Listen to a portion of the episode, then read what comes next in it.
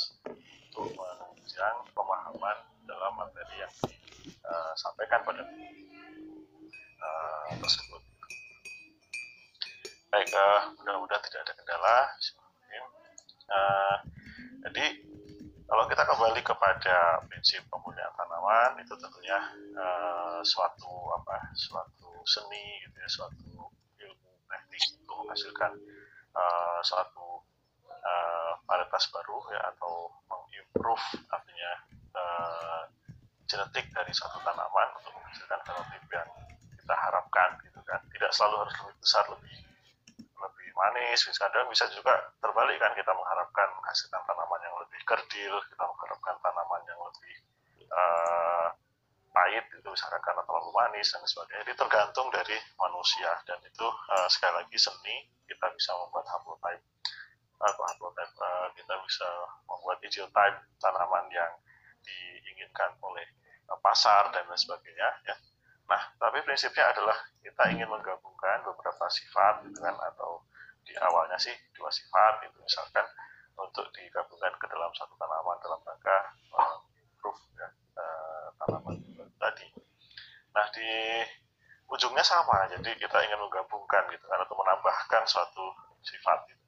Cuma di dalam konvensional plant breeding itu didapatkan uh, dengan cara uh, apa disilangkan kemudian diseleksi ya. sementara di uh, bioteknologi itu di pemahaman orang gitu ya di pemahaman uh, banyak banyak peneliti baru gitu kan atau masyarakat itu adalah terbatas hanya untuk uh, penggunaan uh, genetik engineering. Jadi hanya berbasis uh, rekayasa genetika padahal sebetulnya dalam menghasilkan uh, produk pemuliaan secara konvensional pun pada akhirnya gitu kan. Makanya nanti kita di akhir melihat apakah produk yang dihasilkan itu sama antara konvensional breeding dengan uh, modern gitu ya breeding modern gitu. Uh, kita akan lihat bahwa sebetulnya di akhir mungkin adalah sama. Jadi sebetulnya yang dihasilkan itu adalah tanaman yang memiliki uh, gen baru ya yang berasal dari tanaman lain. Atau kemudian kalau kita bicara mengenai mutasi ya mutasi kan beberapa juga menyebut itu masuk konvensional breeding karena bisa terjadi secara alami. Itu terjadi tanaman baru tanpa merubah uh, gen gitu kan. Yang ketiga bahkan uh, yang sama sekali tidak ada mutasi dan tidak ada perubahan uh, gen misalkan dengan grafting atau yang lain-lain. Nah gitu. Uh, nanti kita lihat di akhir itu sebetulnya adalah tujuannya sama. Sehingga uh, mengkotak-kotakkan antara pemulihan konvensional dengan biotek mungkin suatu saat juga akan akan apa namanya akan sulit gitu. Karena itu sudah menjadi suatu uh, prosedur gitu ya dalam uh, menjalankan program pemulihan tanaman. Jadi mungkin uh, proses uh, integrasi dari gennya saja yang yang melalui persilangan konvensional. Tapi dalam hal uh, seleksi dan lain sebagainya mungkin sudah bisa melibatkan juga bantuan-bantuan uh, dari bidang uh, biotek. Ya. Baik, uh, jadi di sistem tradisional gitu kan, jadi kan dari kuliahnya Bu Armini juga ya, dan gambar ini banyak tersebar di mana-mana. Jadi di dalam apa namanya di dalam uh, tradisional plant breeding gitu, itu ada yang dia uh, berbasis pada uh, persilangan yang tanpa memperhatikan atau betul-betul melihat gennya apa namanya di di apa namanya di, di, disilangkan gitu kan kemudian itu kan acak ya segala macam jadi sebetulnya kalau kita lihat Nah, sebentar ini ada apa nih di chat? Sudah, ini sudah saya approve semua ya. Saya nggak nggak melihat ada yang belum saya approve. Mungkin ya udah-udahan semua sudah masuk nih. Mbak Mira ya, Mira Sintia yang tadi yang belum masuk nih. Sekarang sudah masuk semua. Baik, jadi uh, secara tradisional ketika melakukan integrasi gen, gitu kan, menyilangkan gen, itu uh, apa tidak tahu, tidak melihat untuk gennya itu seperti apa. Misalkan kita menyilangkan bunga putih dengan bunga ungu, dan menjadi bunga eh bunga putih dengan bunga ungu ya, kemudian uh, turunannya menjadi bervariasi segala macam. Kita menghasilkan, mengintegrasikan gen tanpa tahu itu gen apa. apa. Dalam hal ini tentunya uh, sering disebut dengan ya konvensional breeding segala macam ya yang sama saja sebetulnya, sebenarnya kita mentransfer gen tapi kita tidak tahu gennya apa nah ini yang sering kemudian uh, mudah-mudahan kita tidak ada gitu ya itu untuk judul proposal itu seolah-olah menjadi seperti penelitian yang canggih gitu kan mentransfer gen ini padahal gennya sendiri tidak di, di, di uh, konfirmasi tidak dikarakterisasi. Dia hanya menyilangkan tanaman A dan B tapi dia menyampaikan dalam istilah mentransfer gen ya uh, harusnya kalau sudah mentransfer gen itu sudah tahu gennya apa dikarakterisasi dan lain sebagainya. Nah itulah uh, yang kemudian nanti uh, dengan teknik biotek kita bisa melihat bahwa dalam uh, proses pemilihan kita itu pada saat kita menyilangkan atau kita ingin mengintegrasikan suatu gen itu terlihat gen yang mana gitu kan kemudian uh, bahkan kita lihat di atas ini, ini kan yang diharapkan sebenarnya warna merah ini gitu ya. Tapi pada saat disilangkan, kita mendapatkan uh, tidak hanya warna merah ini, tapi gen-gen yang lain juga ikut. Nah, ini yang mungkin juga adalah gen dari sifat-sifat yang tidak kita harapkan.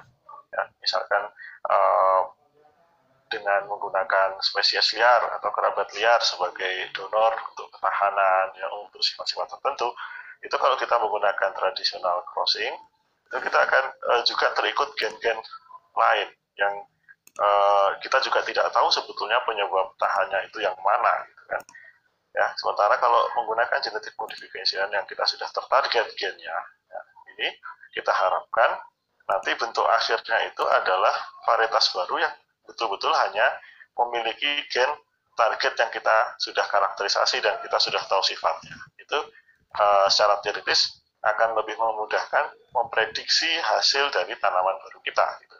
Ya, ya karena apalagi kalau kita kemudian uh,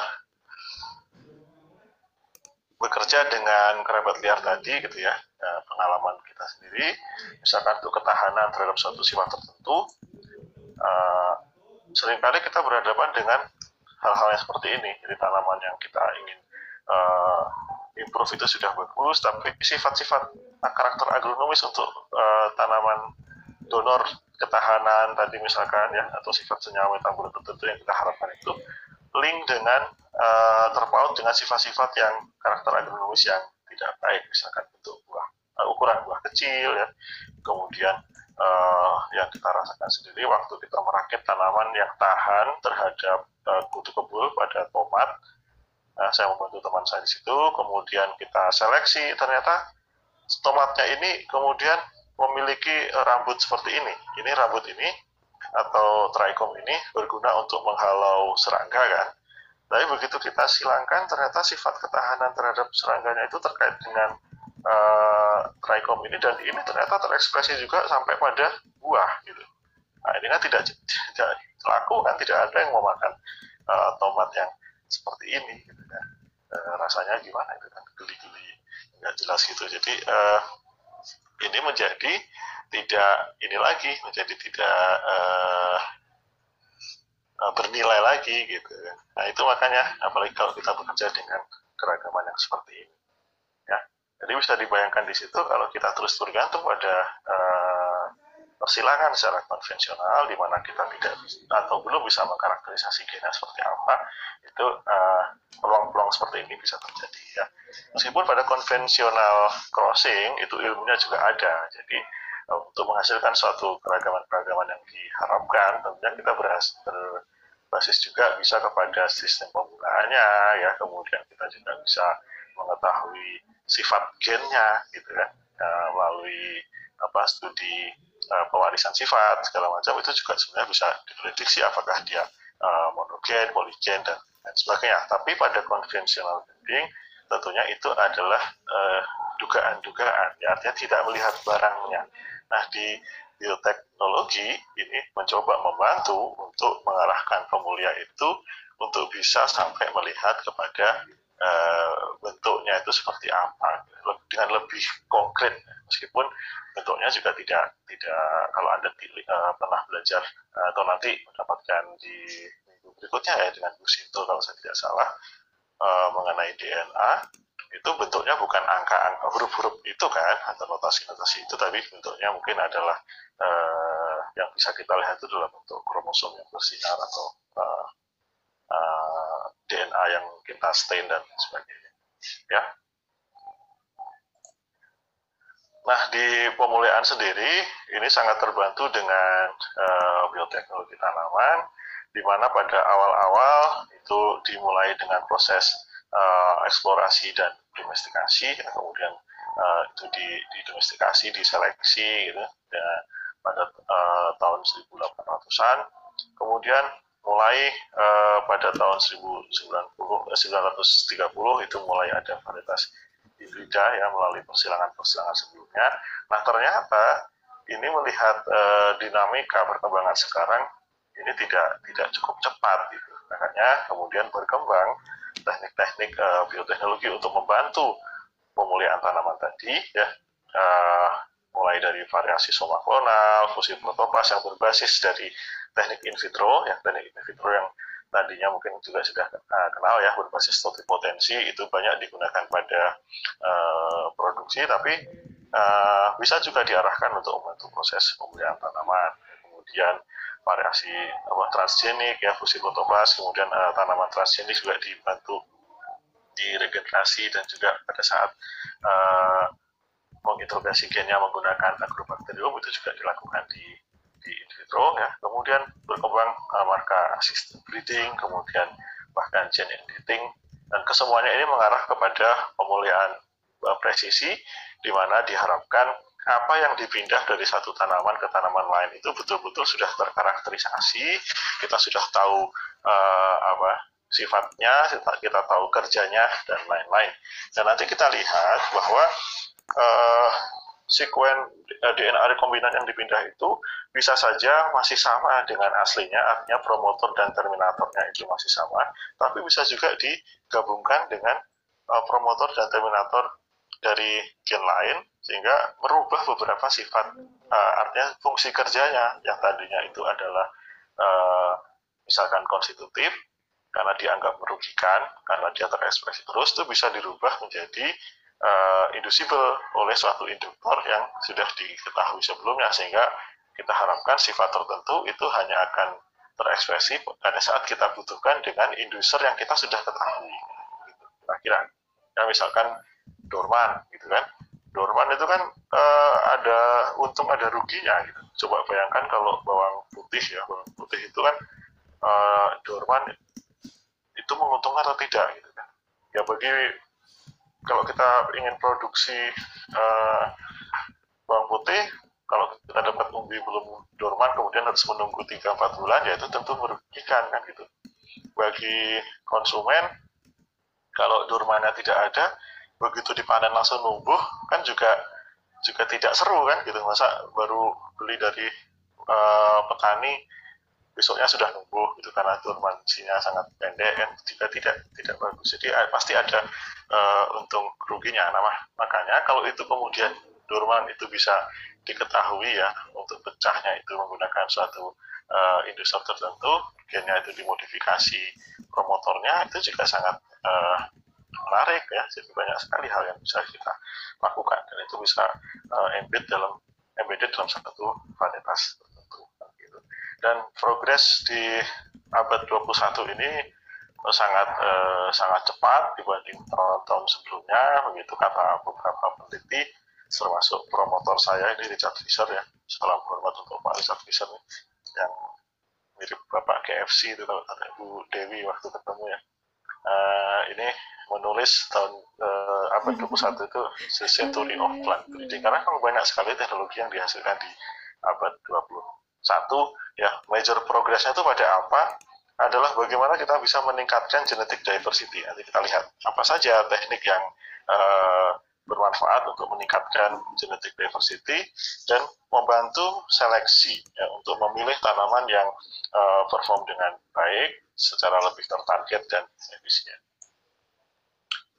Dan uh, proses pemulihan sendiri ya dengan teknologi ini ternyata juga uh, kan pemulihan ini sering dianggap dia apa namanya mempercepat genetic loss kan. Nah, ternyata pada beberapa hal justru proses pemuliaan ya dengan bantuan juga nanti bioteknologi itu justru bisa meningkatkan keragaman genetik dari tomat nih misalkan. Tomat tuh waktu proses domestikasi segala macam tuh memang ya kan hanya diseleksi saja kan begitu ya. Diseleksi dipilih yang paling bagus paling ini untuk manusia ya itu tentunya uh, genetik diversity-nya indeksnya akan turun. Tapi begitu manusia uh, pemulia itu sudah bisa kemudian meningkatkan keragaman dengan berbagai cara yang nanti kita akan bahas, nah itu ternyata uh, diversity indexnya itu justru naik. Ya. Dan di uh, sekarang ini tantangannya semakin besar gitu kan. Jadi uh, mungkin juga sudah sering baca climate change, berubah uh, suhu segala macam ini pengaruhnya sangat besar sekali terhadap laju fotosintesis, respirasi dan lain sebagainya ya. Kemudian uh, karena climate change juga katanya kemudian pestnya sifatnya jadi berubah lebih invasif lebih uh, macam-macam lagi gitu. Kemudian kebutuhan akan air yang tadinya di tahun 2016 itu 3.500 km kubik ya menjadi 5.500 km kubik di tahun 2050 sekarang. Jadi uh, banyak sekali kendala yang akan dihadapi dan ini kalau kita mengandalkan uh, pemuliaan konvensional ini katanya tidak akan uh, sanggup untuk mengejar kebutuhan-kebutuhan ini sehingga uh, ini diperlukan bantuan bioteknologi. Karena misalkan dari, dari sisi uh, fisiologi saja ketika uh, terjadi pemanasan tadi ini semua uh, sifat ya ini akan sangat banyak ter terpengaruh. Misalkan fotosintesisnya meningkat respirasi uh, bermacam-macam ya uh, semata konduktor dan lain sebagainya sehingga bisa dibayangkan kita akan banyak memerlukan uh, peran pemuliaan di situ.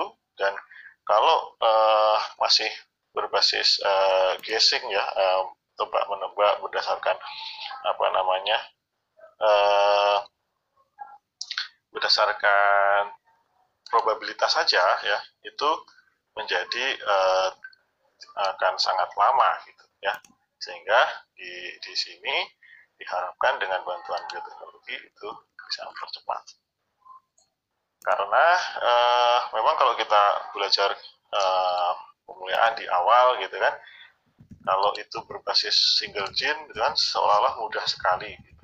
tapi kenyataannya banyak sifat-sifat atau karakter yang kita harapkan bisa mengatasi berbagai kendala tadi itu bukan traits yang simple, bukan uh, sifat yang yang mudah. Misalkan kalau resistance gitu ya, resisten itu oh, ini juga sangat kompleks. Seringkali dia poligen gitu ya, sering kali dia poligen, kemudian uh, dia uh, apa namanya mudah patah oleh satu dua hal gitu. Nah, kemudian belum lagi kalau uh, belum lagi kalau kemudian kita bicara mengenai yield. Kan salah satu tujuan pemulihan kemudian karena manusianya semakin banyak, yield harus tinggi kan. Nah ini lebih kompleks lagi. Yield itu adalah gabungan dari berbagai macam uh, apa namanya karakter begitu kan. Sehingga kalau kalau uh, tujuannya yield itu uh, beberapa hal akan sulit ya. Kemudian belum kalau kita bicara nutrien efisiensi, kan, bagaimana struktur akar, segala macam itu sifat karakter-karakternya akan sangat banyak dan uh, sangat challenging bagi kita. Kemudian juga stres uh, yang lain, misalkan ya belum lalu kita uh, kemudian berhadapan dengan uh, ornamental ya, kemudian uh, host resistant dan lain sebagainya. Ini adalah karakter-karakter yang uh, tidak tidak simple dan kemudian kita juga ingat, ya kemarin juga sudah saya jelaskan di kuliah yang lain ya, dan harusnya di sini dulu ya, bahwa e, kompleksitas itu juga berasal dari bahwa satu gen menjadi menjadi trait ya itu tidak tidak linear e, satu satu. Bisa ada yang poligenik tadi ya. Jadi dia suatu fenotype itu harus berbasis ekspresi dari beberapa gen. Dan juga ada yang sifatnya pleiotropik uh, satu gen itu bisa menginduksi uh, atau membuat uh, fenotip yang berbeda-beda. Nah begitu, nanti ini akan lebih jelas di mata kuliah nah, selanjutnya, ya bisa di Tech Lab maupun bisa di Omics dan di uh, yang lain. Ya, nah, jadi kalau kita bicara mengenai pemuliaan tadi, itu ada uh, siklus umum kan, siklus umumnya itu biasanya adalah uh, kita meningkatkan keragaman, kemudian mengurangi keragaman dengan seleksi, memilih yang terbaik kan begitu kan. Nah, pada saat meningkatkan keragaman itu bisa dengan uh, cross ya, dengan menyilangkan, kemudian untuk menseleksi bisa dengan uh, field trial gitu. Nah ini yang uh, dua hal utama ini uh, yang nanti kita akan bahas apa teknik bioteknologi yang bisa uh, kita harapkan membantu di situ gitu ya dan memiliki impact yang yang besar ya untuk perkembangan pemulihan. Tentunya nah, tidak hanya itu di di sisi kiri pun misalkan di dalam uh, jemplasem input ya dalam uh, koleksi dan lain sebagainya ini teknik bioteknologi juga banyak membantu itu dan juga nanti di rilis new variety itu juga akan banyak membantu Pak Dirjen ya, Dirjen Horti Kementan bahkan sekarang sudah tegas menyatakan bahwa untuk rilis new variety itu harus dibuktikan dengan DNA test. Meskipun masih beberapa eh, kontroversi ya masih beberapa uh, hal itu uh, perlu diluruskan. Tapi setidaknya kebutuhan akan uh, biotek ya untuk nanti menjadi tanaman di, di sisi ujung pun itu akan diperlukan. Ya jadi uh, sudah tegas. Jadi kalau kita ingin sekarang merilis varietas uh, hortikultura, yang terutama yang saya tahu itu harus sudah ada uji basisnya ke DNA. Ya. Jadi kita lihat di setiap tahapan ini apa yang bisa kita bantu. Ya. Jadi peran bioteknologi tanaman. Nah ini ada beberapa yang saya list dan list ini akan terus akan terus berkembang saya pikir ya akan terus nambah tiap tahun mungkin uh, jika ada ilmu baru harus kita tambahkan termasuk dari bapak ibu semuanya. Ketika nanti penelitian atau ada kesempatan uh, uh, magang ya dan lain kemudian mempelajari ilmu baru di sini akan akan akan berkembang. Jadi di bidang bagian genetika molekuler dan ekspresi gen ini bioteknologi ini sangat banyak uh, sumbangsihnya. Ini nanti akan banyak diterangkan di minggu depan ya oleh Bu Sinto kalau saya tidak salah Uh, jadi ada beberapa hal yang uh, sekarang lebih detail uh, uh, tahunya. Kalau dulu hanya uh, central dogma gitu kan, misalkan dari DNA ke phenotype melewati uh, tiga tahap ya, DNA, uh, RNA, kemudian protein, phenotype gitu kan. Sekarang ini untuk ekspresi gen ini uh, lebih kompleks lagi dan dan uh, ternyata prosesnya juga uh, bisa di, dibuat network ya untuk melihat uh, dari dari A sampai fenotipe tertentu ini apa saja yang harus harus terjadi. Nah, itu kan akan banyak membantu pada saat nanti uh, melakukan tagging terhadap gen apa yang sebetulnya bertanggung jawab terhadap satu sifat atau fenotipe tertentu. Ya. Kemudian uh, DNA rekombinan, desain dan konstruksi vektor ini juga uh, pada awal dulu perkembangan uh, muncul tanaman transgenik ya. Ini juga sangat uh, happening pada saat itu dan memang potensinya luar biasa sebetulnya gitu ya. Uh, tinggal nanti di kuliah ini juga di bab terakhir akan dibahas mengenai regulasinya. Kira-kira bagaimana? Karena ya memang masih ada concern di situ. Ya tapi yang jelas teknik ini memungkinkan termasuk nanti genome editing dan uh, RNAi ya akan diterangkan oleh Pak uh, Profesor Sudarsono secara lebih detail. Nanti akan saya saya saya sampaikan uh, highlightnya ya. Kemudian uh, molecular breeding ya, uh, gene tagging and discovery, kemudian uh, marker acid breeding dan selection ya. Kemudian omics ya. Omics ini juga uh, sekarang suatu hal yang yang uh, banyak di apa digunakan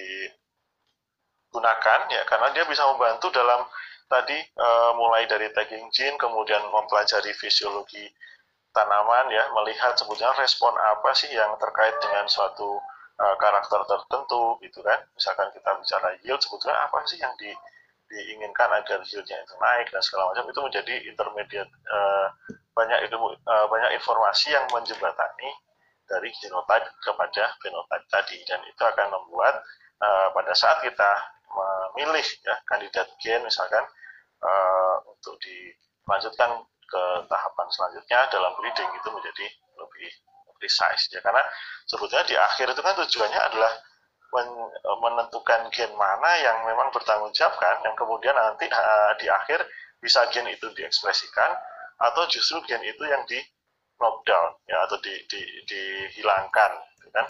Nah uh, itu kira-kira kemudian di teknik in vitro sendiri ini juga uh, teknik yang masih sangat banyak membantu ya. Bahkan dulu pernah diramalkan teknik ini akan uh, hilang akan tidak terpakai lagi. Kenyataannya begitu sekarang muncul genome editing teknik ini menjadi uh, banyak lagi peminatnya gitu. Bahkan di uh, beberapa universitas itu mereka merekrut secara khusus ahli-ahli kultur jaringan lagi dengan uh, uh, berkembangnya teknik genome editing yang memerlukan teknik regenerasi tanaman melalui kultur jaringan ini. Gitu. Ya, dan saya kira teknik ini ke depan juga akan terus bertambah. Nanti kita lihat beberapa aplikasinya. Ya. Nah, ini misalkan di bidang uh, Avid Engine Plasm ya, jadi kita mengoleksi plasma nutfah pun gitu kan dari situ in vitro itu sebetulnya sudah sangat bisa membantu ya karena gambarannya bisa dibayangkan kita waktu koleksi di lapangan melakukan eksplorasi segala macam tidak tidak semudah kita kemudian bisa mendapatkan benihnya. Ada tanaman yang pada saat kita sudah capek-capek masuk ke hutan gitu kan itu ternyata kita dapat bagian uh, daunnya atau kita hanya dapat bagian tertentu saja. Nah itu uh, dengan teknik uh, in vitro ini bisa sangat uh, membantu uh, peneliti untuk kemudian melakukan koleksi ya. Bisa dibayangkan. Jadi uh, banyak hal yang bisa dilakukan termasuk nanti dalam menyimpan. Jadi setelah dikoleksi ini kita bisa simpan dalam waktu yang lama gitu ya dengan beberapa teknik sampai kepada yang bisa kita uh, apa namanya kita uh, simpan selama tahunan dan kemudian bisa kita recovery kita hidupkan lagi saat dibutuhkan ya. Nah kemudian dari sisi uh, pemahaman terhadap uh, apa sentral dogma ya kemudian juga uh, dari gen genom to phenotype yang dulunya kita tidak mengetahui apa itu yang yang sebetulnya terjadi itu kan hanya berbasis hipotesa uh, notasi saja segala macam. Sekarang ini sudah dengan bantuan teknologi, bioteknologi ini bisa memprediksi. Gitu. Jadi apa yang akan apa yang dapat terjadi ketika melihat uh, gen ya. Kemudian apa yang bisa terjadi uh, dengan melihat transkriptom atau uh, messenger RNA, kemudian pada level protein dan uh, kemudian dengan teknik metabolit juga bisa melihat apa yang sebetulnya sedang uh, terjadi dan telah terjadi, kemudian bagaimana rantai-rantai tadi untuk kemudian membentuk phenotype. Dan uh, ini bisa bolak-balik. Jadi uh, metabolit ini bisa sebagai uh, sinyal untuk mengaktifkan uh, gen yang lain dan sebagainya. Makanya itu akan sangat membantu pemahaman dalam pemulihan untuk di akhir sekali lagi mendeteksi ya atau mem, uh, mencari gen yang bertanggung jawab yang kemudian nanti di akhir itu mau diinterogasikan atau dimutasi dan dan sebagainya. Jadi uh, nanti bisa didapatkan eh, uh, lebih jauh di mata kuliah Omics untuk pemulihan tanaman. Kita akan membahas mengenai uh, teknik di genom ya di genomics, kemudian uh, transkriptomik ya, proteomik, metabolomic dan genomik yang data-data ini kemudian bisa diolah ya dikorelasikan atau diasosiasikan untuk menghasilkan uh, informasi sebetulnya dari sisi genom ke fenotip ya. Itu mana yang uh, apa rangkaiannya itu paling paling uh, bisa dipertanggungjawabkan. Ya paling jelas lah gitu ya. Daripada kita langsung menebak dari genom ke fenotip tanpa ada informasi di tengah. Ya uh, jadi nanti harapannya di akhir tentunya seleksi itu juga bisa berbasis dari uh, informasi yang paling sederhana. Kan kalau di pemulihan konvensional kita juga selalu mencoba mencari karakter seleksi kan. Karakter seleksi kita coba korelasikan korelasikan antara beberapa sifat yang diamati ya bahkan kita korelasikan buat sidik lintas dengan uh, hasil dan lain sebagainya.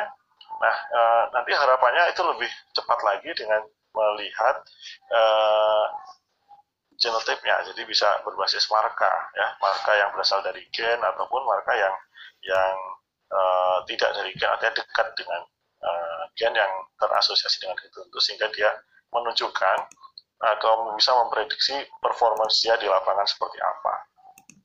Ya kalau kita bicara pemuliaan untuk tanaman-tanaman uh, semusim ya tentunya oke okay, masih bisa dibayangkan lah kita kita melakukan persilangan dan sebagainya kemudian punya turunan ya kita seleksi lagi tapi kalau kita nanti sudah dealing dengan eh, tanaman-tanaman uh, tahunan ya itu maka uh, kalau kita bisa mengkarakterisasi gen ya kemudian kita melakukan seleksi berbasis marka itu akan menjadi sangat lebih efisien. Nah, kemudian e, nanti juga akan diterangkan mengenai penanda molekuler ya yang umum digunakan.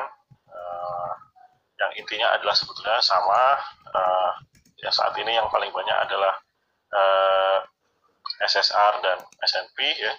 Ada yang nanti diterangkan di mungkin di kuliahnya Bu Sinto ya atau di, di oh, bagian saya juga ada.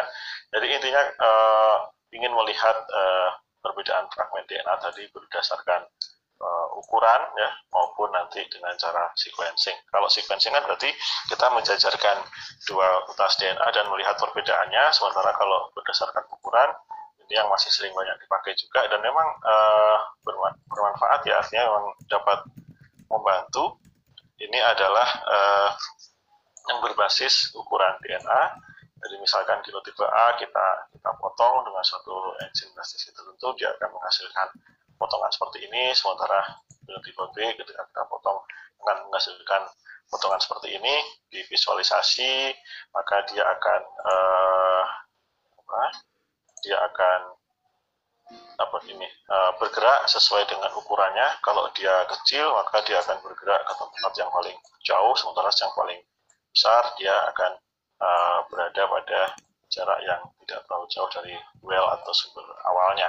Nanti kalau kita lihat nanti akan terlihat perbedaan ya antara genotipe A dan genotipe B berdasarkan ukuran fragmen DNA-nya. Nah, begitu.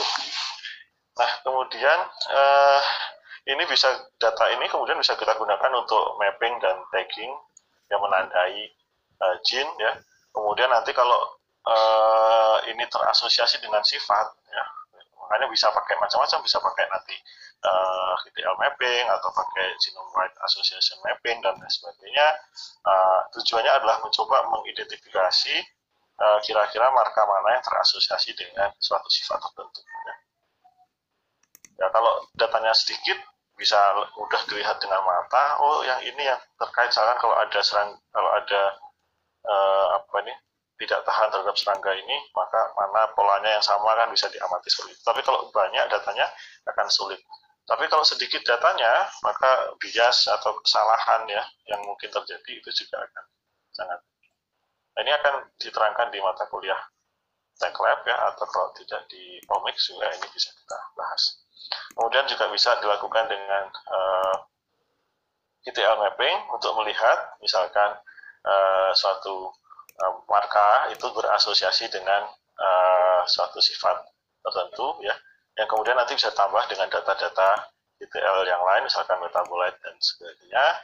Dan kalau sudah uh, ininya itu lengkap database-nya lengkap ya itu bahkan bisa kita kemudian melihat ke physical map di daerah itu ada gen apa. Nah ini yang bisa kita gunakan sebagai kandidat gen untuk percobaan selanjutnya untuk dikonfirmasi atau di uh, Nah, kemudian juga bisa uh, dengan teknik omik ya transkriptomic misalkan kalau kita ingin melihat apa yang terjadi di satu tanaman dengan satu perlakuan tertentu kita bisa screen uh, transkriptomnya ya. Kemudian kita melihat gen-gen apa yang aktif pada misalkan kondisi uh, stres tertentu gitu. Kemudian kita uh, juga melihat metabolit yang ada di situ kita lakukan integrasi data ya. Kita lihat uh, konektivitas atau korelasi kemudian dari situ kita mencari gen yang kira-kira uh, berfungsi pada saat itu gitu kan.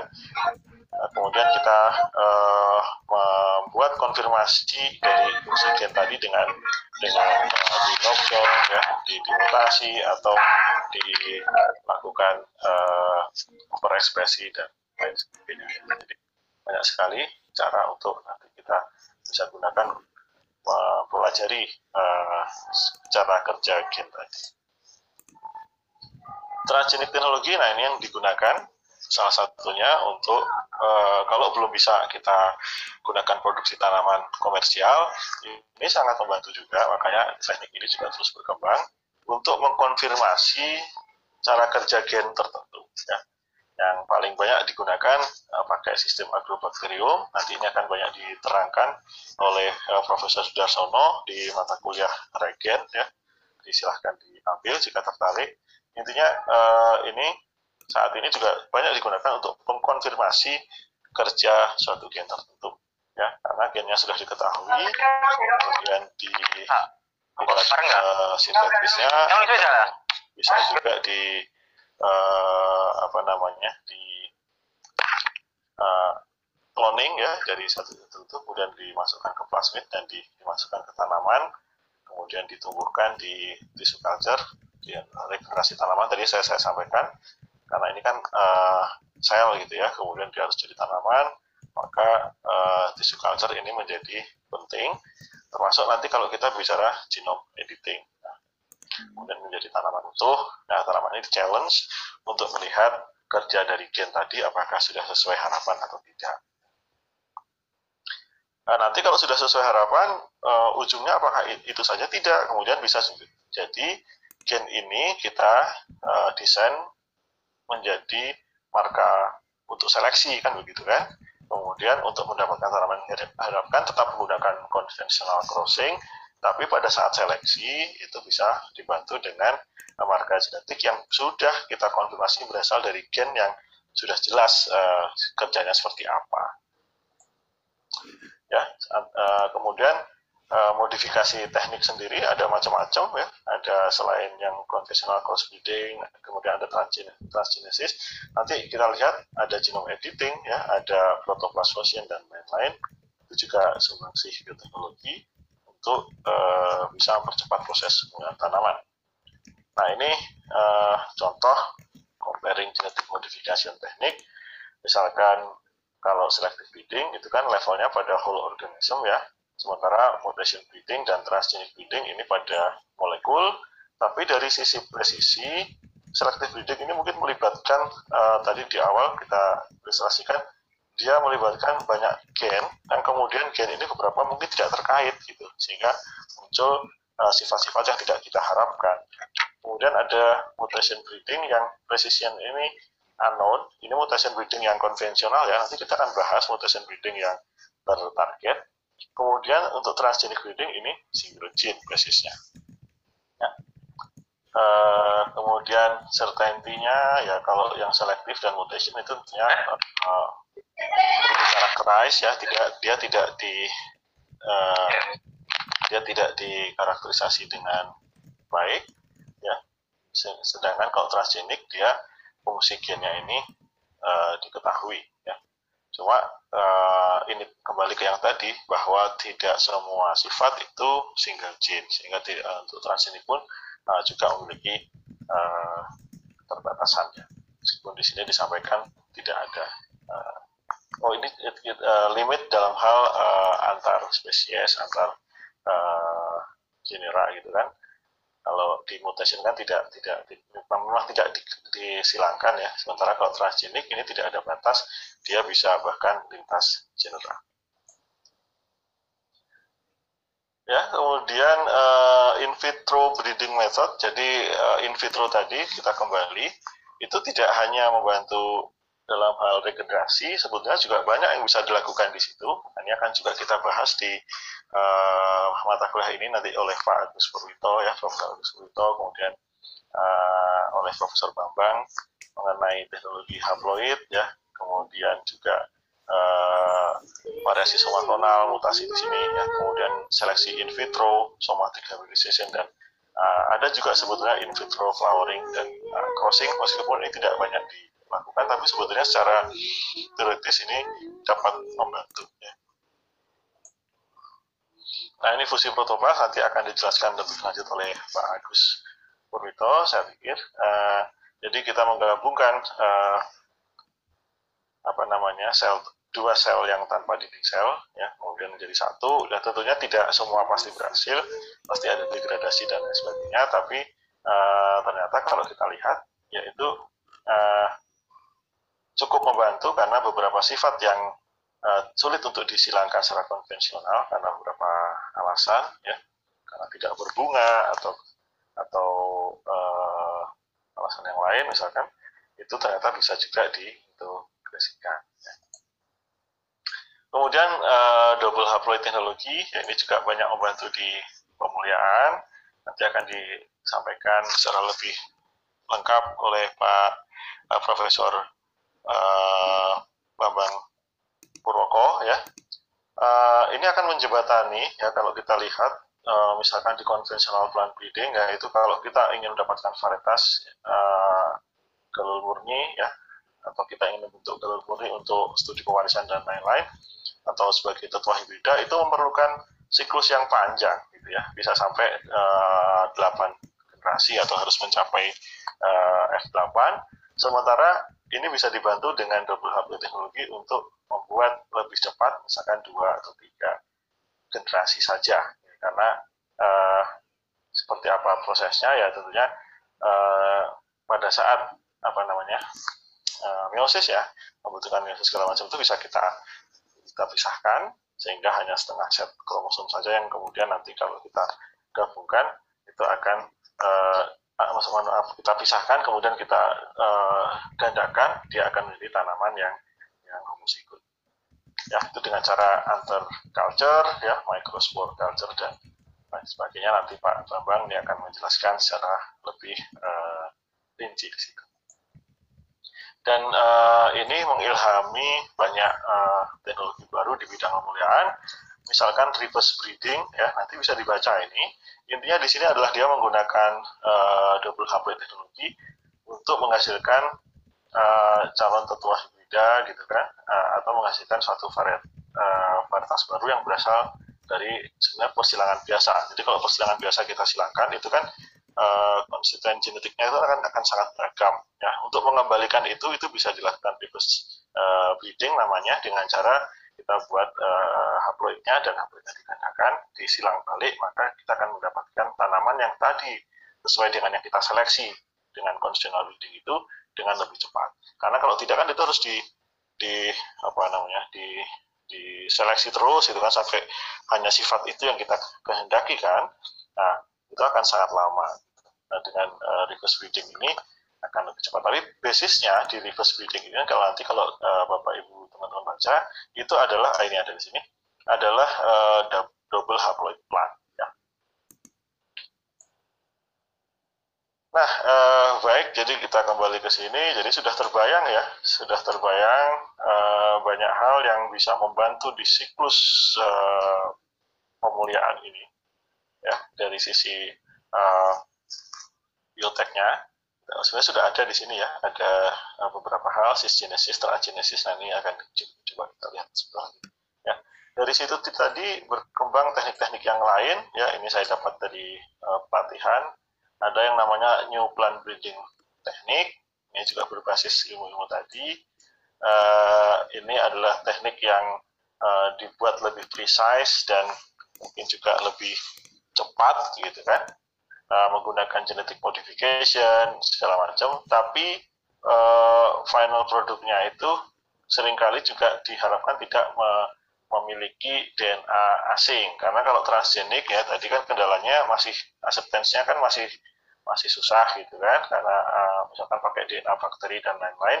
Makanya sekarang arahnya itu digunakan untuk memproduksi yang tidak terlalu banyak campur tangan DNA asing.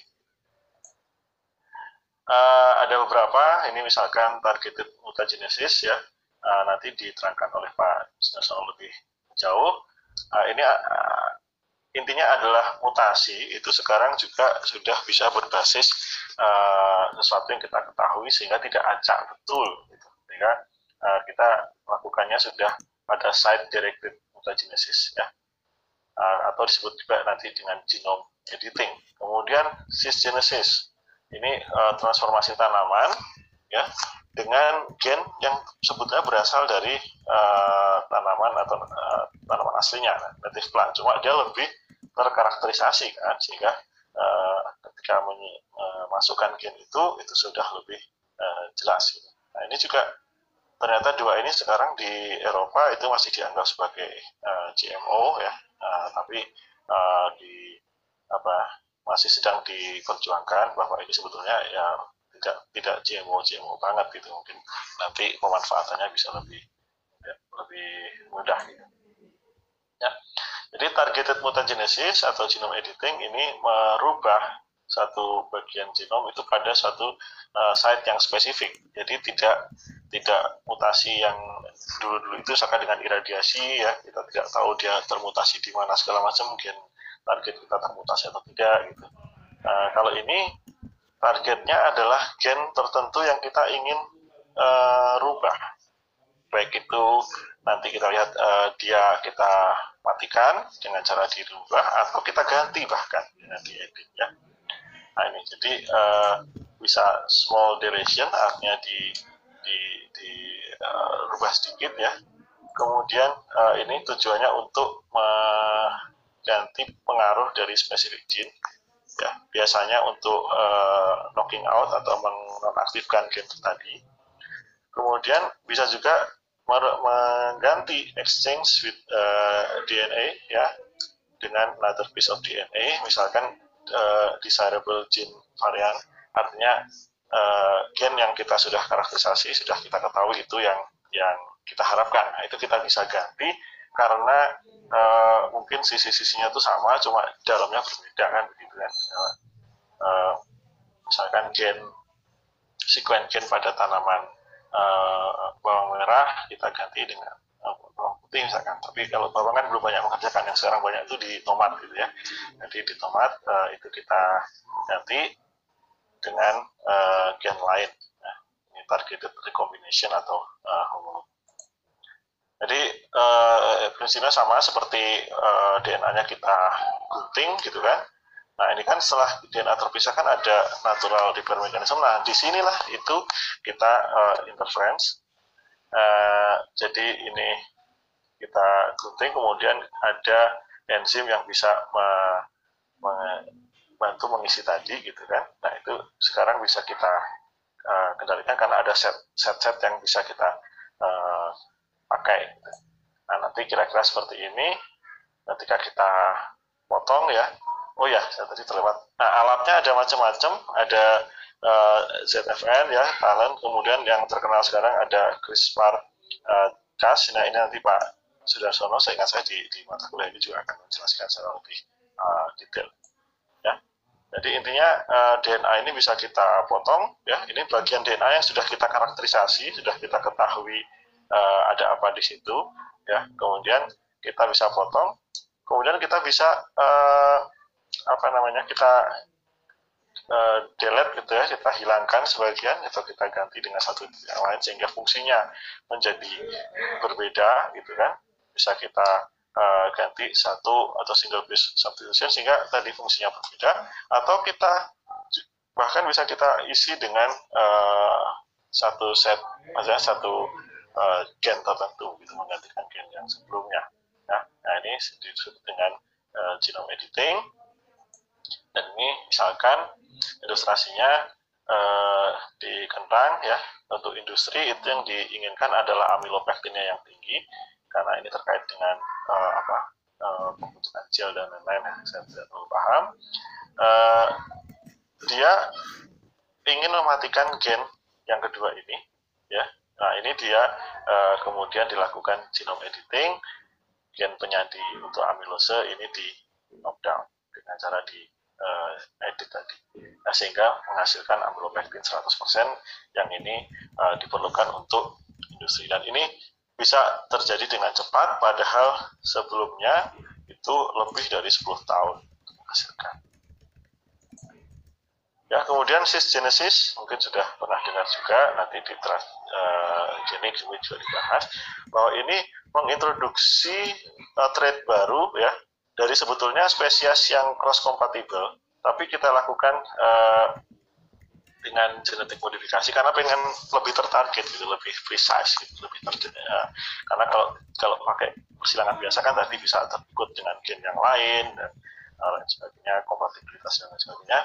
Nah ini kita uh, lakukan seperti transgenik dan bahkan menggunakan uh, promotor dan terminator sendiri gitu ya. Uh, nanti perkembangannya ini juga bisa uh, promotor dan terminatornya berasal dari hal yang lain disebut dengan intragenesis ya. Jadi ini digunakan untuk tanaman yang dia sulit untuk disilangkan uh, dengan konvensional, misalkan tanaman yang uh, apa itu poidinya besar, kemudian uh, jarang menghasilkan bunga ya dan seperti itulah gitu. Nah, kalau intragenesis ini dia menggunakan gen yang natif dari tanaman tapi uh, menggunakan promotor yang berbeda ya. Nah, tentunya tadi ingin merubah sedikit sifat dari uh, fungsi gen tadi. Gitu. Kemudian yang lain ada banyak, jadi makanya list ini mungkin akan terus berkembang, gitu kan.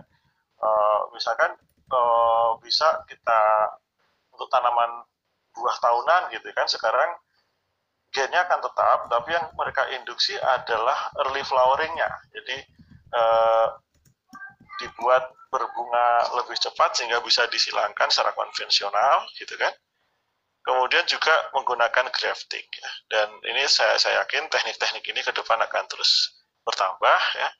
Eh, tapi intinya adalah di akhir kita melihat bahwa breeding teknologi ya artinya berbasis bioteknologi tadi ini memberikan impact yang signifikan kalau saya boleh katakan uh, kepada program pemuliaan secara konvensional atau tradisional yaitu pada lebih cepatnya dia mengintroduksi atau mengintegrasikan sifat ke uh, tanaman ya kemudian juga meningkatkan genetic variation ya seperti tadi saya sudah jelaskan dan juga uh, apa namanya sebetulnya ini satu lagi adalah meningkatkan efektivitas seleksi. Ya. Oh mungkin sudah masuk di sini ya. Uh, quickly ini ada seleksi cepat sehingga mungkin lebih, lebih efisien. Nah kemudian uh, sama seperti tanaman yang dihasilkan pada persilangan konvensional ataupun mutasi konvensional, bahwa di akhir itu dengan teknik ini pun hasilnya adalah uh, tanaman yang menghasil yang mengandung ya tanaman baru yang mengandung DNA baru ya bisa asing maupun dari dia sendiri. Tanaman dengan mutasi di DNA dia karena ini uh, pakai genome editing tadi kita memutasi ya uh, DNA dia. Atau tanaman yang tanpa uh, DNA fragmen baru dan tanpa mutasi misalkan pada uh, teknik uh, apa kita menginduksi tanaman agar berbunga lebih cepat gitu kan atau dengan teknik in vitro untuk menghilangkan secara konvensional tapi kita induksi tanaman lebih cepat berbunga.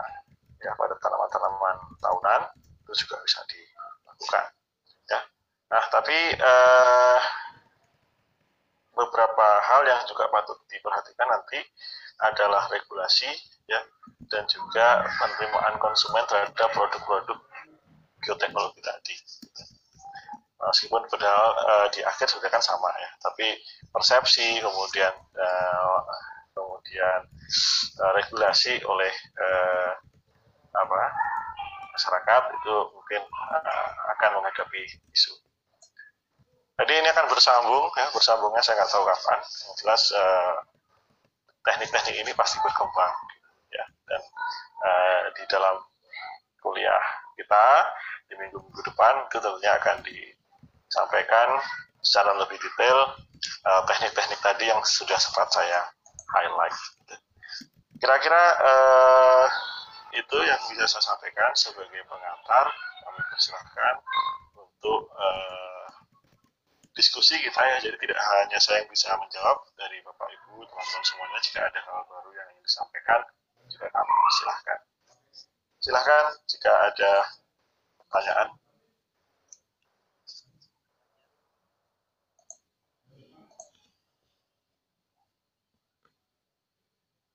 Siapa? Ya, saya lihat uh, Andi Agus, Mas Andi Cangsu Sayono.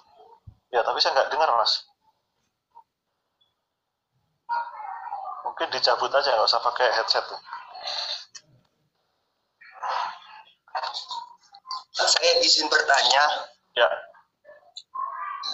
Uh, uh, saya ingin tanya tentang regulasi cisgenik, Pak. Ya, gimana? Kemarin itu kan uh, ada kakak tingkat saya itu kan mengerjakan cisgenik apa sawit, tapi itu yang dikerja apa CRISPR cisgenik tanaman sawit seperti itu. Itu kemarin katanya itu tidak masuk regulasi tanaman transgenik itu. Padahal uh, saya saya kurang tahu cisgeniknya itu. Kalau yang saya tahu kalau mengerjakan CRISPR itu uh, ketika tanaman itu apa diedit itu perlu disilangkan apa perlu disilangkan supaya apa gen yang diedit itu masih ada tetapi gen yang apa dari yang dimasukkan seperti promotor dan lain-lain itu hilang seperti itu. Itu baru dikatakan itu non transgenik tapi ketika masih apa masih ada promotornya dan lain-lain itu kan masih apa dinamakan transgenik itu gimana pak? Kok apa katanya ya apa udah bukan transgenik gitu. Ya itu terus itu, regulasinya seperti apa itu terima kasih pak nanti bab regulasi itu akan dibahas lebih lanjut oleh Pak Bambang ya di akhir pertemuan. Tapi saya kalau boleh sampaikan memang dulu waktu cisgenesis itu juga sempat uh, banyak perdebatan. Karena sebetulnya kan yang dipakai itu kan uh, bahkan promotor dan terminator itu betul-betul native dari yang uh, tanaman itu gitu ya. Uh, kenapa tidak bisa gitu?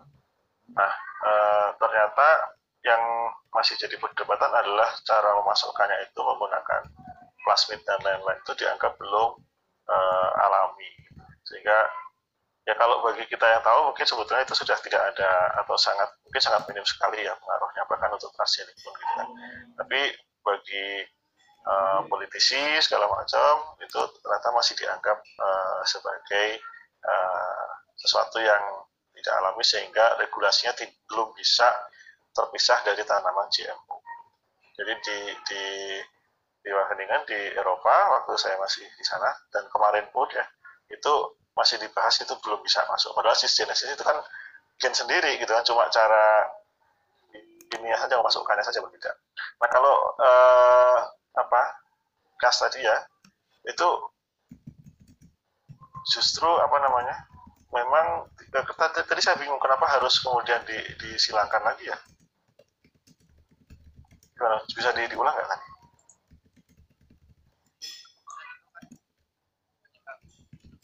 apa kita lakukan seperti itu kan tadi masih ada apa suaranya lembut sekali nih.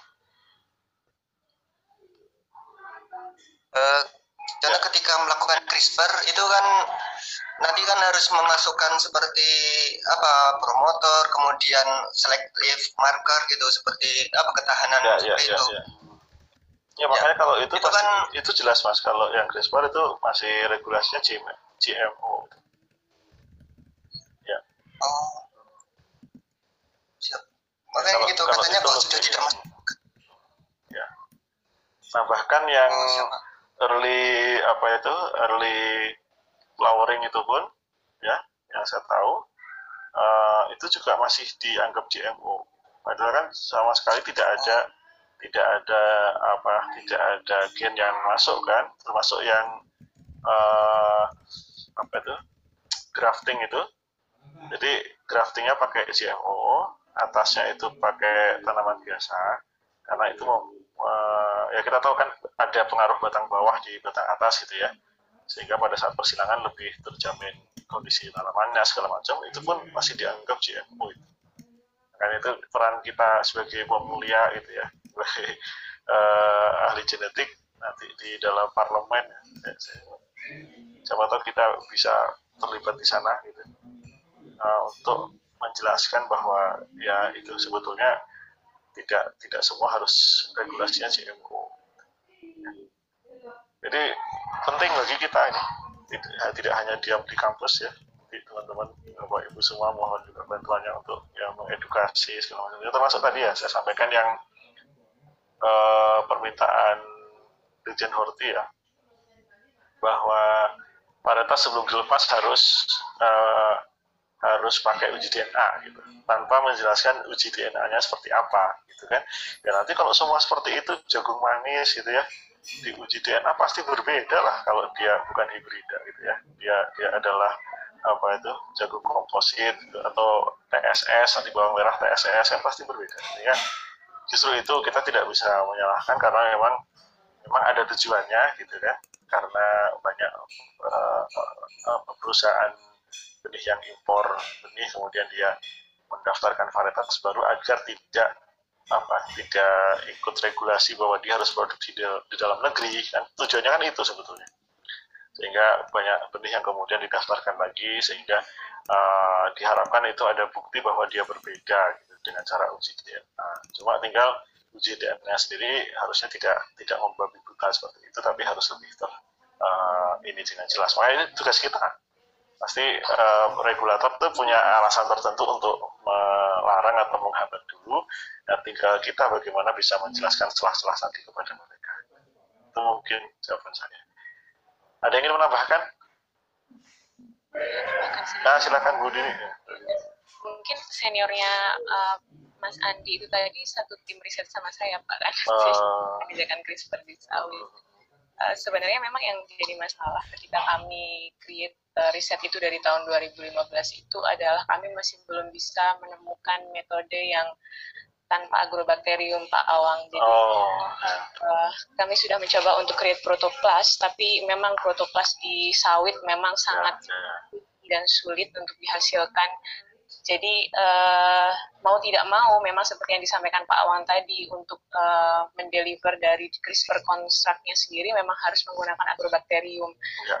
Dan kita tahu sendiri ketika memang sudah sawit itu lifetime-nya satu cycle mencapai 25 tahun untuk menghilangkan efek dari si agrobakterium dan konstrak itu memang sampai sekarang masih diperdebatkan. Kalau memang disebut uh, modified organism, memang iya modified. Kita mau tidak mau menyebutnya modified karena memang uh, within sendiri itu kita modifikasi. Tapi uh, memang harapan kami memang uh, cisgenesis lebih ramah ya Pak Awang ya dibanding yeah. genik gitu. Akan tapi mau nggak mau uh, plasmid tetap masuk ke masuk, situ, ya. masih menggunakan usage promoter dan beberapa yang lainnya. Dan seperti kayak marka ataupun apa memang kami jadinya lagi-lagi masih uh, terus mencoba untuk um, menghasilkan. Kalau di uh, hewan mungkin sudah bisa ya Pak Awang ya untuk uh, ya. apa namanya plasmid free gitu. Dia sudah bisa ada teknologinya dari IDT cuman untuk yang tanaman yang susah dihasilkan protoplasnya memang lagi-lagi kami memang masih tersandung di situ. Tapi ya harapan kami karena itu hanya di create di uh, seedling sebelum seedling. Jadi harapannya nanti ketika dewasa yang dibuah ada yang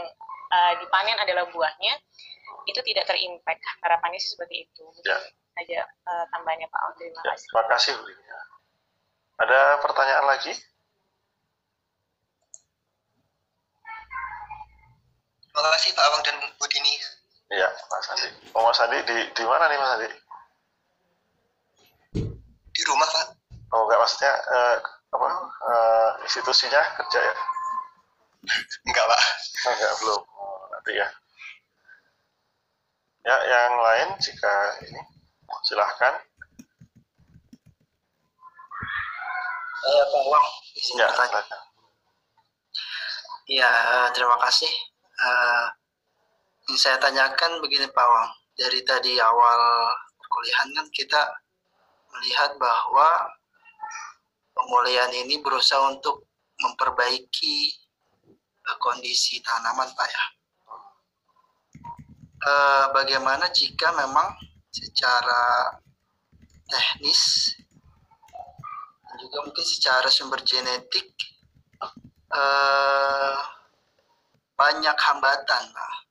Saya kan kerja di karet nih Pak ya. Kalau di karet ini memang secara limitationnya banyak sekali Pak.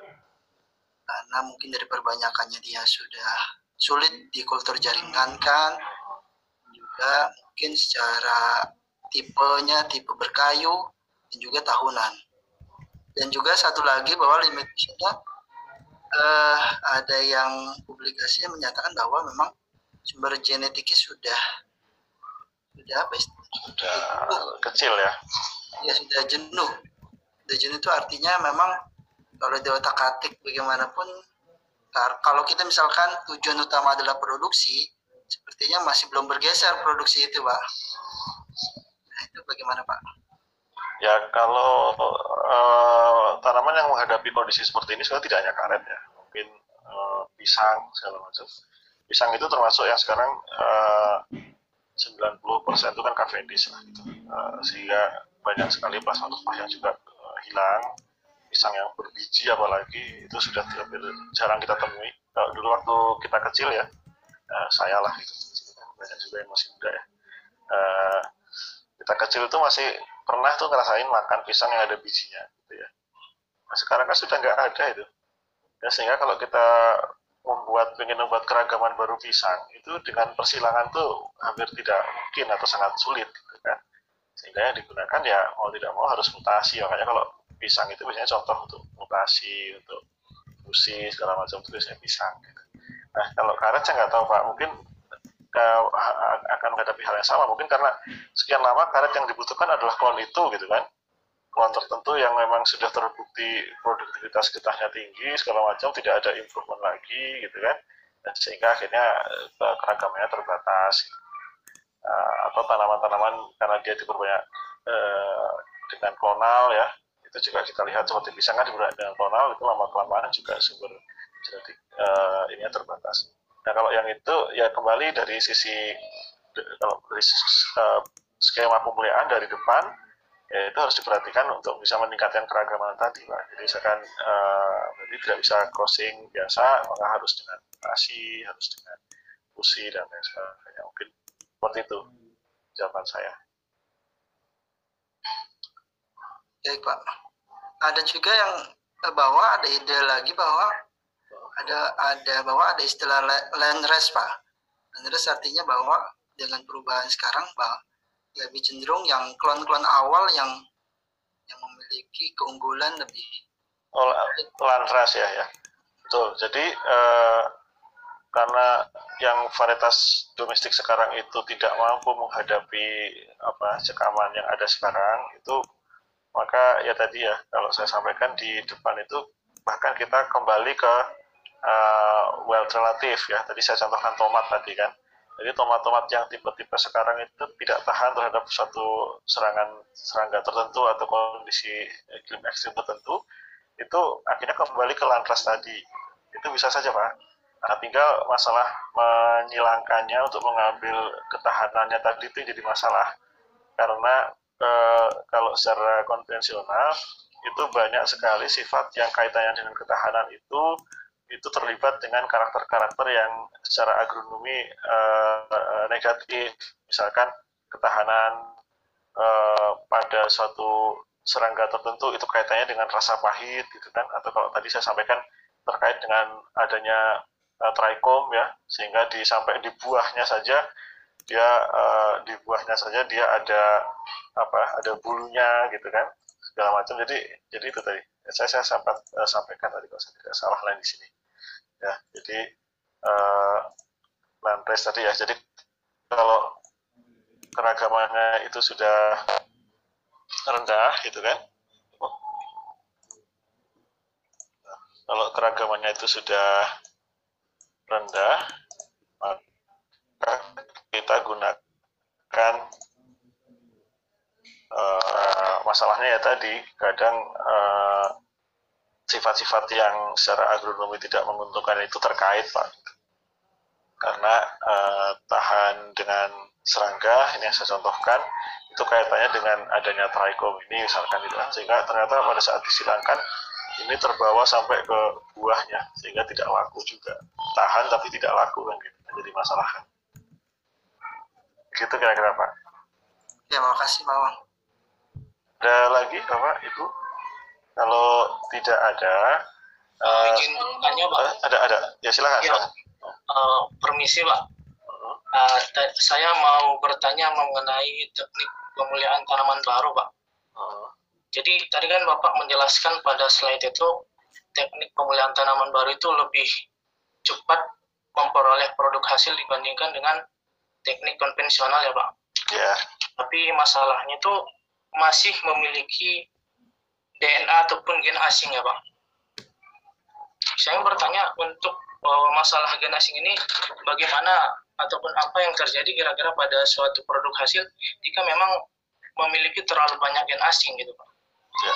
Terus saya juga sempat membaca artikel itu tentang uh, NBT ini atau teknik pemulihan tanaman baru ini masih berada dalam situasi yang tidak pasti terkait klarifikasi hukum dunia itu. Ya. Itu maksudnya gimana kira-kira Apakah ada efek tertentu pada produk ini ataukah berbahaya setelah di sebarkan ke masyarakat. Nah, itu aja Pak. Terima kasih. Baik, uh, yang kedua tadi yang sudah kita bahas tadi ya, jadi memang uh, apa masih banyak hal yang perlu diklarifikasi gitu ya. Kalau yang pertama itu ketakutan terhadap apa yang tidak bisa diprediksi gitu aja. Jadi kalau uh, gen asing ya namanya juga gen asing gitu kan masuk ke ke sistem yang baru ya kan kemampuan manusia masih terbatas gitu kan gitu kan sehingga dikhawatirkan akan muncul ekspresi-ekspresi dari hal yang lain gitu. Dan kita tidak tahu misalkan eh, promotor yang untuk gen tadi ya misalkan kan pakai promotor apa eh, kauli mosaik virus itu ya misalkan itu kemudian juga bisa mempengaruhi ekspresi gen yang lain macam. Tapi sebetulnya itu sudah di banyak di di apa tunjukkan bukti ilmiahnya gitu kan. Dan di mas di dalam uh, apa, regulasi dunia itu dan kampanye yang menolak GMO itu sebetulnya juga alasannya itu agak sedikit di luar ini gitu ya di luar apa science gitu kan. Mereka bilang kalau pakai produk ini gatel atau kalau produk ini jadi apa jadi alien segala macam jadi kontroversinya mas seperti itu mas. Kalau yang dikhawatirkan namanya kekhawatiran kan pasti ada ya. Kekhawatirannya itu adalah ya tadi misalkan kalau plasmidnya masih ada di dalam, kemudian di situ kan ada gen untuk uh, apa seleksi ya, seleksi di, di, di untuk mencari mana yang berhasil dan tidaknya transformasi itu kan pakai uh, apa gen tahan ya, kemudian di, disiram untuk, untuk melihat mana yang yang yang berhasil. Nah itu di, dikhawatirkan ada efek-efek yang lain. Padahal itu sudah dicoba dibuktikan bahwa itu tidak ada pengaruhnya, ya. Dan kita sayangnya di masyarakatnya itu berargumennya itu juga bukan argumen uh, saintifik, mereka lebih ke ke, ke, ke apa ketakutan yang tadi saya sampaikan, misalkan uh, menjadi mutan, ya, menjadi alien segala macam begitu. Nah itu tugas kita bersama lah. Kalau saya pribadi sih ya melihat apa perkembangan ilmu ya kita tahu seperti uh, ini segala macam ya kalau saya GMO nggak masalah gitu. Cuma kan dari beberapa orang masih agak uh, takut gitu kan agak khawatir tahu tadi. Itu kira-kira mas. Eh ada lagi? Masih pak masih boleh bertanya pak? Ya silakan pak. Ya pak ini mungkin pertanyaannya agak agak lebih mendasar gitu. Uh, kan kita targetnya nanti kan pres, precision breeding gitu. Yeah. tapi kok terlihat paradoks karena uh, di awal uh, uh, apa namanya ya di awal uh, katanya akan memperbanyak uh, varietas. Eh, memperbanyak apa? Memperbanyak varietas. Tapi kemudian kan precision breeding itu sendiri kan menuntut untuk kayak kita memilih atau menseleksi yang uh, menseleksi preferensi yang diinginkan karakter yang diinginkan gitu kan. Nah itu seperti apa pak? Sama saya mau nanya ini pak mungkin terkait teknis mungkin ya. Jadi kalau misalnya kita mau mengujikan uh, apakah suatu gen yang kita uh, apa namanya uh, suatu gen yang kita targetkan untuk terekspresi di, di suatu tanaman itu gimana cara mengetahuinya? Apakah in silico atau emang memang langsung diujikan kepada tanamannya ditanam langsung gitu pak? Pasti baik. Uh, yang pertama tadi ya precision itu bukan berarti harus seragam kan beda. Uh, mungkin yang dimaksud itu begini. Jadi uh, masyarakat model itu menghendaki uniformity kan gitu ya. Mungkin uh, sehingga varietas itu harus sama segala macam. Tapi yang dimaksud dengan precision breeding bukan itu. Jadi precision breeding itu adalah pada saat kita melakukan proses pemuliaan itu kita berbasis pada gen target yang betul-betul kita ketahui. Ya masalah uh, apa keragaman itu sebagai bahan bahan seleksi itu hal yang baik kan gitu kan tapi maksudnya adalah eh, pada saat melakukan program pemulihan itu agar lebih efisien dan tertarget itu harus lebih precise. Gennya itu sudah kita ketahui ya sehingga tidak banyak eh, campur tangan atau apa itu kontaminasi dari gen-gen yang tidak kita harapkan. Dan prosesnya menjadi lebih cepat karena kita dari awal tahu kita bisa tracing gen itu sebetulnya sudah berpindah atau belum, sudah masuk ke varietas yang kita tuju atau tidak, calon varietas yang kita tuju atau tidak, dan kemudian kita uh, konfirmasi dia itu betul-betul terekspresi atau tidak di situ. Itu kira-kira. Kalau masalah uh, uniformity dan apa uh, tadi, yaitu tuntutan masyarakat saja kan, masyarakat memang secara secara alami mereka ketika ada yang bagus ya pasti akan mengarah ke situ. Makanya tantangan bagi breeder itu adalah salah satunya nah ini menjawab pertanyaan Mas Bahrul Fihri Anwar sekalian ya. Jadi sebetulnya kita tidak kemudian harus menghilangkan uh, keragaman tadi. Keragaman tadi tetap perlu untuk bahan atau materi pemuliaan selanjutnya segala macam ya. Kita tetap disesuaikan dengan nanti kondisi uh, lingkungan ya. Kemudian ada juga kondisi agroklimat yang berbeda-beda yang memerlukan varietas-varietas yang spesifik ya. Kebutuhan industri yang spesifik ya. Misalkan kan kalau alpukat ya. Alpukat itu kan tidak semua pengen yang besar. Keluarga kecil ya itu pengen keluar uh, alpukat yang kecil. Untuk industri dia pengen alpukat yang besar dengan kandungan ini tertentu sehingga keragaman itu akan tetap ada gitu ya. Dan akan tetap dibutuhkan. Nah sehingga untuk uh, bioteknologinya sendiri perannya ya tadi. Jadi uh, dia bisa meningkatkan apa keragaman genetiknya dan dia bisa mencegah genetik loss dengan cara ya tadi bisa dengan uh, penyimpanan in vitro ya kemudian konservasi bahan dengan teknik bioteknologi kemudian mengkarakterisasi koleksi ya agar tidak tumpang tindih dan lain sebagainya ya jadi uh, jadi seperti itu kira-kira peran bioteknologinya di situ ya. Gimana pak? Mudah-mudahan bisa ada yang terlewat nggak yang saya jawab? Oh yang ini ya ekspresi gennya ya? Untuk ya. mengkonfirmasi peran gen itu ya tadi di, di diekspresikan dia.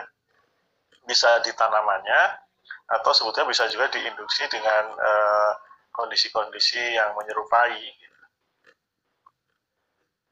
kalau yang paling bagus ya tentunya di, di ekspresikan di tanamannya melihat dia transkripnya jalan apa tidak segala macam dengan challenge atau kondisi yang uh, kita kita kita ujikan ke tanaman tadi. Gimana Pak? Uh, ya Pak, makasih Pak. Uh, saya mau nanya aja sih Pak, apakah uh, ada prosedur ada prosedur yang apa namanya yang memungkinkan jadi itu tidak langsung aman. Jadi mungkin kayak disimulasikan dulu gitu pak. Disimulasikan oh, iya iya. in silico gitu kan bisa. Nanti kalau datanya sudah banyak ya nanti saya nggak tahu di mata kuliah atau di omics ya. Itu ada namanya gene prediction juga ya. Itu kita uh, mencoba melihat ya seperti ingat ya waktu kasus apa itu yang senyawa ini terkait dengan covid dan lain sebagainya itu loh itu kan tidak dilakukan uh, uji lab langsung kan dia hanya berdasarkan modeling di di komputer. Nah itu di tanaman juga sama. Nanti kalau ambil omics itu dengan Pak Willy itu akan melihat itu ada genomic selection ya genomic prediction dan lain-lain. Itu seperti itu tidak harus diekspresikan di tanaman. Kalau datanya sudah banyak ya, kalau masih sedikit kita kerja dengan tanaman yang tidak populer ya sendiri tanpa konsorsium ya mungkin lebih baik kita lakukan ekspresi tadi. Ya, tapi uh, yang tadi pun itu biasanya hanya menjadi kandidat pada akhirnya kalau kita memang ingin uh, melihat betul uh, kerja dari gen tadi, mode of action-nya itu biasanya juga harus ditampilkan di kondisi yang sebenarnya. Cuma untuk menyeleksi mana sih kandidat gen yang yang betul, yang baik, itu mungkin yang tadi bisa dilakukan. Kalau di kampus kita sendiri memungkinkan nggak ya Pak untuk melakukan itu? Di yang di kampus kita yang untuk ekspresi gen memungkinkan. Oh. Ya, kalau yang genomic selection asalkan bisa akses database-nya sih mungkin bisa juga menurut saya. Ya, di, di kita uh, kerja dengan RNA dan lain sebagainya itu sudah mungkin. Sehingga untuk ekspresi gen segala macam ya itu itu sangat sangat mungkin memang belum sefancy dengan peralatan di tempat lain, tapi setidaknya bisa kan mahasiswa banyak nanti yang sudah melakukan apa itu uh, RNA sequence dan lain sebagainya ya melihat kandidat gennya bekerja apa tidak segala macam sudah banyak lah ya, mungkin bisa diskusi dengan uh, dengan pembimbingnya ya mungkin tidak tidak harus di IPB kan saya lihat di BB Biogen itu peralatannya juga jauh lebih bagus uh, belum lagi kalau kita ke tempat-tempat lain ya. Ya Pak. Terima kasih Pak. Ya masih ada? Saya Pak. Ya silakan Mas Aris uh, terkait dengan hmm. peranan bioteknologi dalam um, mempercepat pemulihan konvensional kultur haploid dan sebagainya itu kan um, istilahnya memotong siklus pemulihan konvensional yang panjang. Namun yang ingin saya tanyakan uh, apakah dengan genome editing dan kultur haploid ini ketika sudah mendapatkan uh, persentase gen yang cocok itu masihkah melalui tahapan seperti uji daya hasil pendahuluan, uji multilokasi sebelum uh, didaftarkan varietasnya ke kementerian atau sebagai atau untuk bisa komersial gitu pak? Ya harus pak, harus. Itu sih harus. Itu kan syarat varietas beda lagi. Kalau nanti kita uh, mendaftarkan itu kan berarti syarat varietas ya harus melalui beberapa uji, uji bus, bus itu kan. Nah, itu harus dilakukan apa pun Eh, atau bagaimanapun cara mendapatkannya bahkan kita tidak pakai teknologi aja gitu kan uh, pakai cara pemulihan yang paling paling konvensional misalkan tanpa persilangan gitu kan. Misalkan kita uh, tiba-tiba nemu tanaman bagus gitu kan kemudian kita karakterisasi kalau ingin menjadikan varietas ya harus mengikuti proses tadi.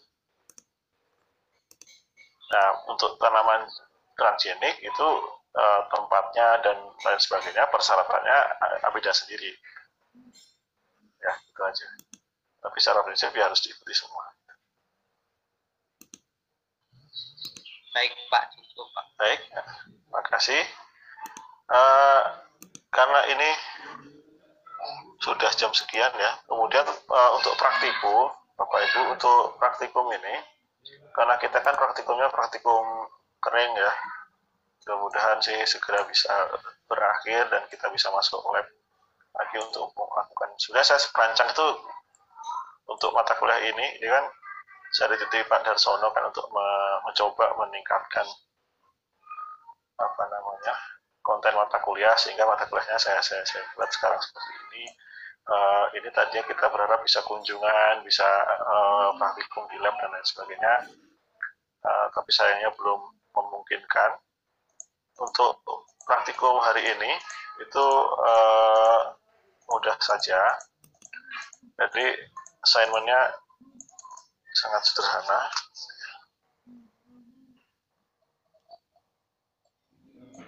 Untuk praktikumnya.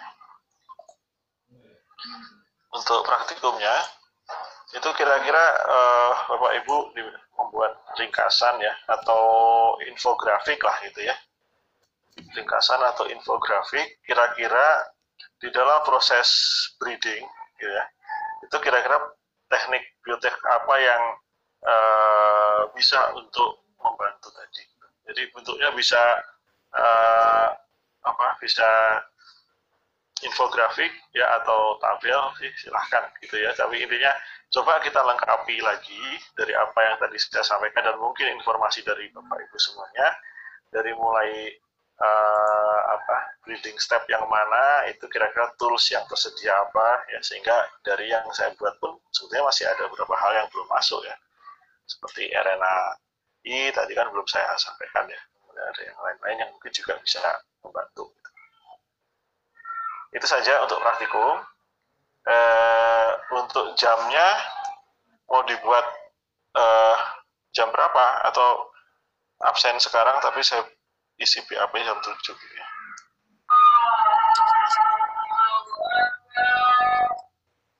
Baik ya, jadi nanti absen dan lain sebagainya saya sampaikan di WA group saja untuk ini ya. Tapi tugasnya uh, ini ya, tugasnya untuk praktikum, Bapak cari pustaka, Ibu cari pustaka, kemudian melihat di dalam ini boleh di, boleh dirubah ya, ini kan hanya contoh saja.